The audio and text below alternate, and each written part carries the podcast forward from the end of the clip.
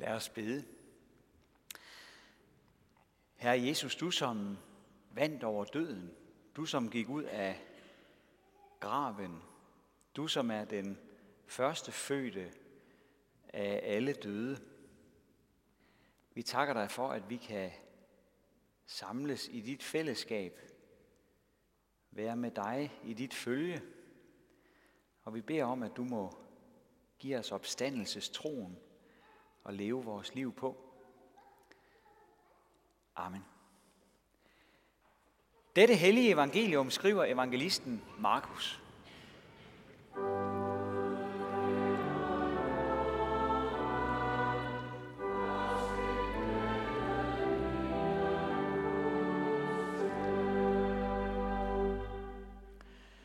Da sabbaten var forbi, købte Maria Magdalene og Maria Jakobs mor og Salome vellugtende salver for at gå ud og salve ham. Meget tidligt om morgenen den første dag i ugen kommer de til graven, da solen var stået op. Og de sagde til hinanden, hvem skal vi få til at vælte stenen fra indgangen til graven? Men da de så derhen, opdagede de, at stenen var væltet fra, for den var meget stor. Og da de kom ind i graven, så de en ung mand i hvide klæder sidde i den højre side, og de blev forfærdede. Men han sagde til dem, vær ikke forfærdede. I søger efter Jesus fra Nazareth, den korsfæstede. Han er opstået.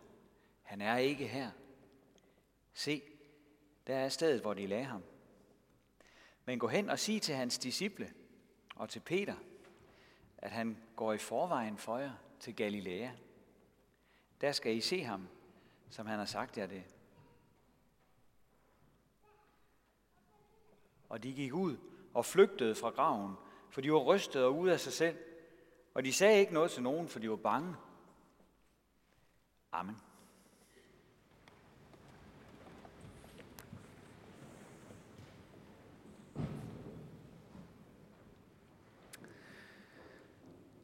Manden, som toner frem på skærmen her om et lille øjeblik, er korporal i øh, det amerikanske marinekorps, udstationeret, og han bliver døbt ved solopgang midt i ørkenen med sine soldaterkammerater som dåbsgæster.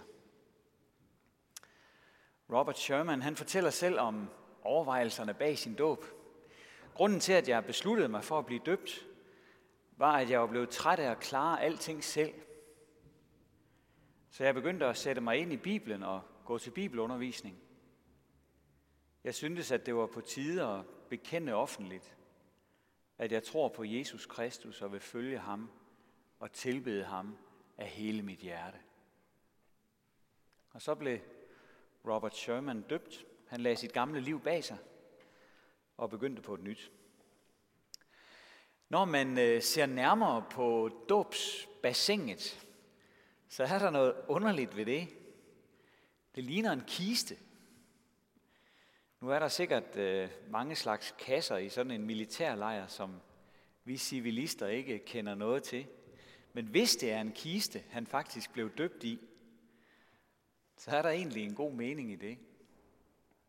For i Romerbrevet kapitel 6 i Nye Testamente skriver apostlen Paulus, at Dåben er at dø og opstå med Kristus. Der står, vi blev altså begravet sammen med ham ved dåben til døden, for at også vi, sådan som Kristus blev oprejst fra de døde ved faderens herlighed, skal leve et nyt liv. Når vi bliver døbt, så dør og opstår vi, altså med Kristus. Det var også øh, dybest set det, der skete med lille Laura i dag ved dåben. Og med os andre, da vi blev døbt. Opstandelsen blev en del af vores virkelighed. Hvis du synes, at det er svært at forstå, så er du ikke alene om det. Øh, men dåben skal vi heller ikke først og fremmest forstå. Øh, den skal vi tage imod som det under, den nogle gange er. Dåben er indgangen til et opstandelsesliv sammen med Jesus. For i dåben har vi fået adgang til et liv, som bygger på det, der skete påskemorgen, som vi hørte i øh, dåbsritualet. Det er derfor, vi hører om et levende håb. Et håb, som vi må leve på alle dage som kristne. Både dåb og håb henter betydning og indhold i opstandelsen. Vi er vokset sammen med Jesus i en åndelig organisme. Vi har fællesskab med ham, der døde, men som nu lever og deler ud af sin overflod af liv til alle, der vil tage imod. Dåben, som Laura og vi andre blev døbt med, er den dåb, som Jesus satte i værk, efter at han var opstået fra de døde. Han satte den i værk efter at være opstået. Han kaldte sine disciple sammen og satte dem i gang med at dele hans nye liv ud i verden til alle folkeslag ved at døbe dem og ved at lære dem at holde, hvad han havde befalet. Øh, Grundtvig, han var jo god til at digte og få tingene sagt kort og klart, og han siger i en skøn salme, hvad det er, der sker. Han som liv og lys uddeler med sin ånd og med sit ord. Han som alt det brudte heler i sit bad og ved sit bord. Jesus Kristus med vor glæde er lys levende til stede. Så da Jesus stod op fra de døde, så var det ikke kun en, hvad skal vi sige, personlig sejr for ham selv. Det var hele grundlaget for, at vi, du og jeg, kan få et nyt liv at leve. Et liv i håb. Opstandelsen er forudsætningen for, at vi kan gå ud af vores gamle vilkår og ind under nogle helt nye vilkår. Og det skal vi prøve at se nærmere på i dag, hvor vi fejrer under, der skete påskemorgen. For det er ikke kun en begivenhed, der er spændende for historikere. At Jesus gik levende ud af sin grav, det er også rigtig meget med os og vores muligheder at gøre. I Nye Testamente står der mange skønne ting. I første kapitel af Kolossenserbrevet, der er der en hymne. Det er en smuk trosbekendelse, som nogle af de første kristne har brugt ved deres gudstjenester, allerede kort efter, at Jesus var opstået fra de døde. Hymnen handler om Jesus, der besejrede døden, og der står i den, han er hovedet for lægemet kirken. Han er begyndelsen, den første fødte af de døde, for at han i alle ting skulle være den første. For i ham besluttede hele guddomsfylden at tage bolig, og ved ham at forsone alt med sig, på jorden som i himlene, ved at stifte fred ved hans blod på korset. Det er bare et uddrag af hymnen, men her får vi at vide, at han, der døde på korset lang fredag, og som var både Gud og menneske, at han gav sit blod for at stifte fred mellem Gud og mennesker. Og så står der, at han er hoved for lægemet, kirken, og den første fødte blandt de døde. Han, der vandt over døden, er altså hovedet i en levende organisme. En organisme, hvor de kristne udgør resten af kroppen. Jesus er hoved for kirkekroppen. Det betyder, at han opstod fra de døde er selve grundlaget for, at kirken og kristendommen kan eksistere. Kristne kan vi kun være, fordi vi er forbundet med ham. Vi står i en levende forbindelse med ham, ligesom en krop kun lever, når dens forskellige lemmer står i en levende forbindelse med kroppens hoved. Hvis Jesus ikke levede, så ville hans folk af kristne ud over jorden ikke kunne leve som kristne. Vi ville tilhøre sådan en øh, robotagtig klub. Der ville ikke findes en levende kirke. Vi kunne ikke være vokset sammen med ham i det nye liv, som vi er i gang med at leve. Det står og falder med, at Jesus virkelig opstod. Man kan samtidig høre folk sige, at det nok ikke ville gøre så meget, hvis opstandelsen skulle vise sig at være opdigtet. Tiden er jo gået fornuftigt imens, og folk har haft noget positivt samvær i kirkerne osv. Sådan et synspunkt stammer i hvert fald ikke fra Bibelen. Paulus skriver i 1. Korintherbrev kapitel 15, at hvis Kristus ikke er opstået, så er vores tro tom. Så lever vi på en løgn. Så vidner vi om en løgn. Er Kristus ikke opstået, så er vi de ynkværdigste af alle mennesker, skriver han. Men virkeligheden er en anden, hørte vi i den smukke hymne. Han, der opstod, er den første fødte. Han er den ældste i søskendeflokken. Han er den første i alle ting. Det er ham, der går foran og gør tingene først. Og vi andre er døbt til at være hans små søskende, til at følge efter ham. Nu har han gennemført Guds store projekt. Storebror har banet vejen for os. Han har været igennem døden og opstandelsen. Han er blevet født på ny til et nyt liv. Det er en dejlig hemmelighed, der kan bære os igennem livet her på jorden. Og en dag skal det blive fuldt synligt, når alle, der har levet i fællesskab med ham, skal stå op til evigt liv. Den dag, hvor han kommer igen for at dømme levende og døde, som vi sagde det i trosbekendelsen. Mange tror vist nok, at kristendommen er sådan en moralsk forening, hvor vi dyrker regler af en forlængst afdød vismand. Men det er en stor misforståelse. At være kristen er først og fremmest at stå i en levende relation til Jesus. En relation, som vi naturligvis kun kan have til ham, fordi han vandt over døden og lever i bedste velgående her og nu.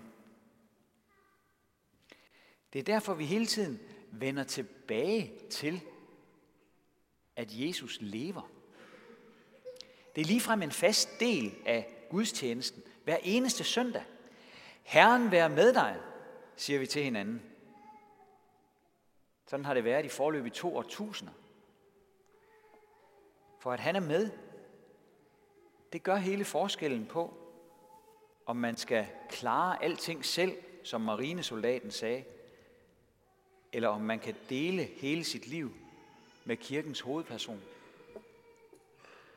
Det kommer også til at gøre hele forskellen for de kvinder, vi læser om i dagens tekst. Det var en mærkelig tekst med en underlig, abrupt afslutning. Kvinderne har mødt en engel inde i graven. Englen siger, at Jesus lever og vil møde dem, hvorefter kvinderne går i baglås og flygter. Hvis det her havde været en øh, konstrueret historie, så ville den flotte afslutning have lyttet på en anden måde. Den ville øh, have lyttet, at øh, kvinderne blev glade, sådan i god ro og orden. Og derefter gik de hen til de andre disciple i fuld kontrol og fortalte dem det. Men de flygtede fra graven, for de var rystet og ude af sig selv, og de sagde ikke noget til nogen, for de var bange. Sådan stod der. I virkeligheden er denne her klodsede slutning på Markus evangeliet en af de rigtig gode grunde til at tro på opstandelsesunderet. For det er jo virkelige mennesker, de her kvinder. De er ikke hverken eventyrfigurer eller helte. I stedet for en øh, reklametekst, der hører vi om levende mennesker, der var kommet for at vaske en død, og som så fik en besked, de overhovedet ikke kunne rumme. Det hele var så klodset og rodet, som kun virkeligheden er. Og de andre tre evangelister supplerer med yderligere oplysninger om rod og kaos efter opstandelsen. Det gælder også disse andre evangelieberetninger om opstandelsen, at de er rigtig gode grunde til at tro på påskemorgen. Og det er de på en underlig bagvendt måde, som egentlig er meget håndgribelig i virkeligheden. For det med, at Jesus han skulle opstå, det var slet ikke en forventning, som jøderne havde. Vi ser det hos kvinderne i teksten øh, hos Markus, og vi ser det hos de mandlige disciple i de andre evangelier. Da de hører om opstandelsen, så kan de heller ikke se, hvad de skal med den. Det var nemlig slet ikke en forventning, der spillede nogen rolle i samtiden, at Messias skulle opstå fra de døde. Det kan vi blandt andet se deraf, at der i århundreder forinden havde været masser af typer, der hver især havde stillet sig frem og havde sagt, at de var Messias. Nogle af dem dannede gakkede sekter og fik mange tilhængere og talte store ord. Og så faldt det ellers fra hinanden alt sammen, når de døde, hver og en. Der var ikke en eneste af disse falske frelsere, der havde talt om, at de skulle opstå. Og der var ingen af deres tilhængere, der bagefter sagde, at deres mestre ville opstå og vende tilbage igen. Den forventning levede overhovedet ikke. Hverken i den jødiske kultur eller i den græske. Så når fire forskellige reportere, Matthæus, Markus, Lukas og Johannes, afslutter deres evangelieskrifter med at skrive, at Jesus opstod, så har den afslutning været lige så meget op ad bakke som muligt. Det har ikke været en information, der ville gøre det nemmere at få mennesker til at blive kristne. Tværtimod, for der var ikke nogen, der regnede med sådan en messias. Derfor, når kristendommen eksploderede i årene efter den første påskemorgen, så var det uforklarligt for en hel verden. Men i dag har vi jo hørt, hvad hemmeligheden var. Nu var den opstandende med sit folk alle dage ind til verdens ende. Det er han også i dag. Glædelig påske. Ære være faderen og sønnen og helligånden, som det var i begyndelsen, så også nu og altid og i al evighed. Amen. Og lad os rejse os og med apostlen tilønske hinanden, hvor Herres Jesu Kristi nåde, Guds, vor Fars kærlighed og Helligåndens fællesskab være med os alle. Amen.